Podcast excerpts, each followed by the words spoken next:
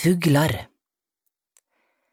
Da jeg satt på doen og menstruerte, falt en ganske stor bit av hjernen min ned i doskåla. Jeg hadde jo sett hjerner på TV og kunne lett skilje hjernebit fra slimhinnebit. Der lå han, ikke svart og klumpete, men brunrosa og skinende. Jeg sa ingenting om det da jeg kom inn igjen på kjøkkenet, bare sette meg til å ete taco som vanlig. Jeg testa ut om jeg fremdeles fungerte.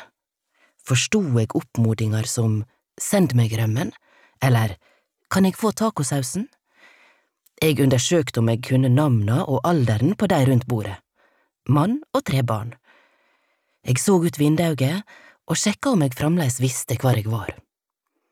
Deretter, mens jeg tog, gjorde jeg et raskt overslag over arealet på kjøkkenet, sa alfabetet innvendig, tenkte over slektslinjer på både mi og Toms side. Alt verka å være på plass. Men da jeg seinere kom opp på kontoret mitt og skulle sette meg til å arbeide, så jeg en ting henge fra den gule arbeidslampa mi som jeg ikke forsto hva var. Han hang der, så han må ha vært der før, han var ikke ny.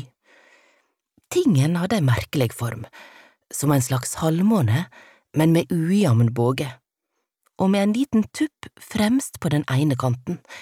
Tuppen var svart og spiss. Undersida var gul, oversida hadde flere farger, mørkegult og svart, og noe hvitt, med noe som når jeg så nærere på det, likna et menneskelig auge, bare at det mangla det hvite.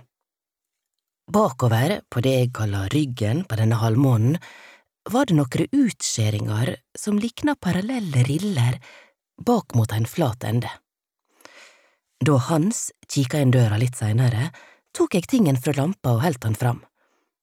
Hans var ti år, og det kunne jo hende han visste hva dette var, hvis han ikke var for liten. Hva er dette egentlig, Hans? sa jeg. Hans så litt engstelig på meg. Det er… det er en slags meis, men jeg er usikker på hva type, ikke bli sint. Sint? sa jeg. Hvorfor skulle jeg bli sint? Du bruker å bli sint når jeg ikke veit nøyaktig hva fugletype det er, eller hva type lyd de lager. Å, sa jeg, men hva er ei meis? Åh, mamma, sa Hans oppgitt. Det er det jo du som kan svare på, jeg kan bare si at det er en fugl, en liten fugl i meisefamilien. Han slo ut med begge armene og lukka døra. Dette jeg helt framfor meg, var altså det han kalla en fugl. I meisefamilien. Ingen av orda gav mening for meg. Jeg googla. Fugl.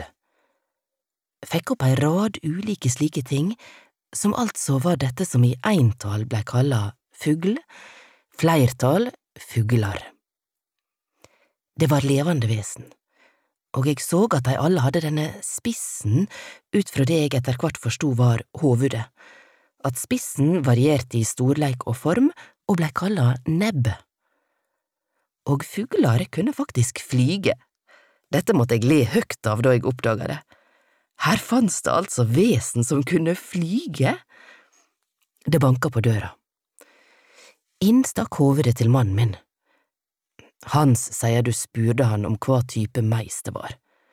Men Nina, sa Tom, ærlig tala, det får være grenser for kategorier de skal kunne, held det ikke at han veit at det er ei meis? Jau, sjølvsagt, sa jeg. Han så litt mjukere på meg.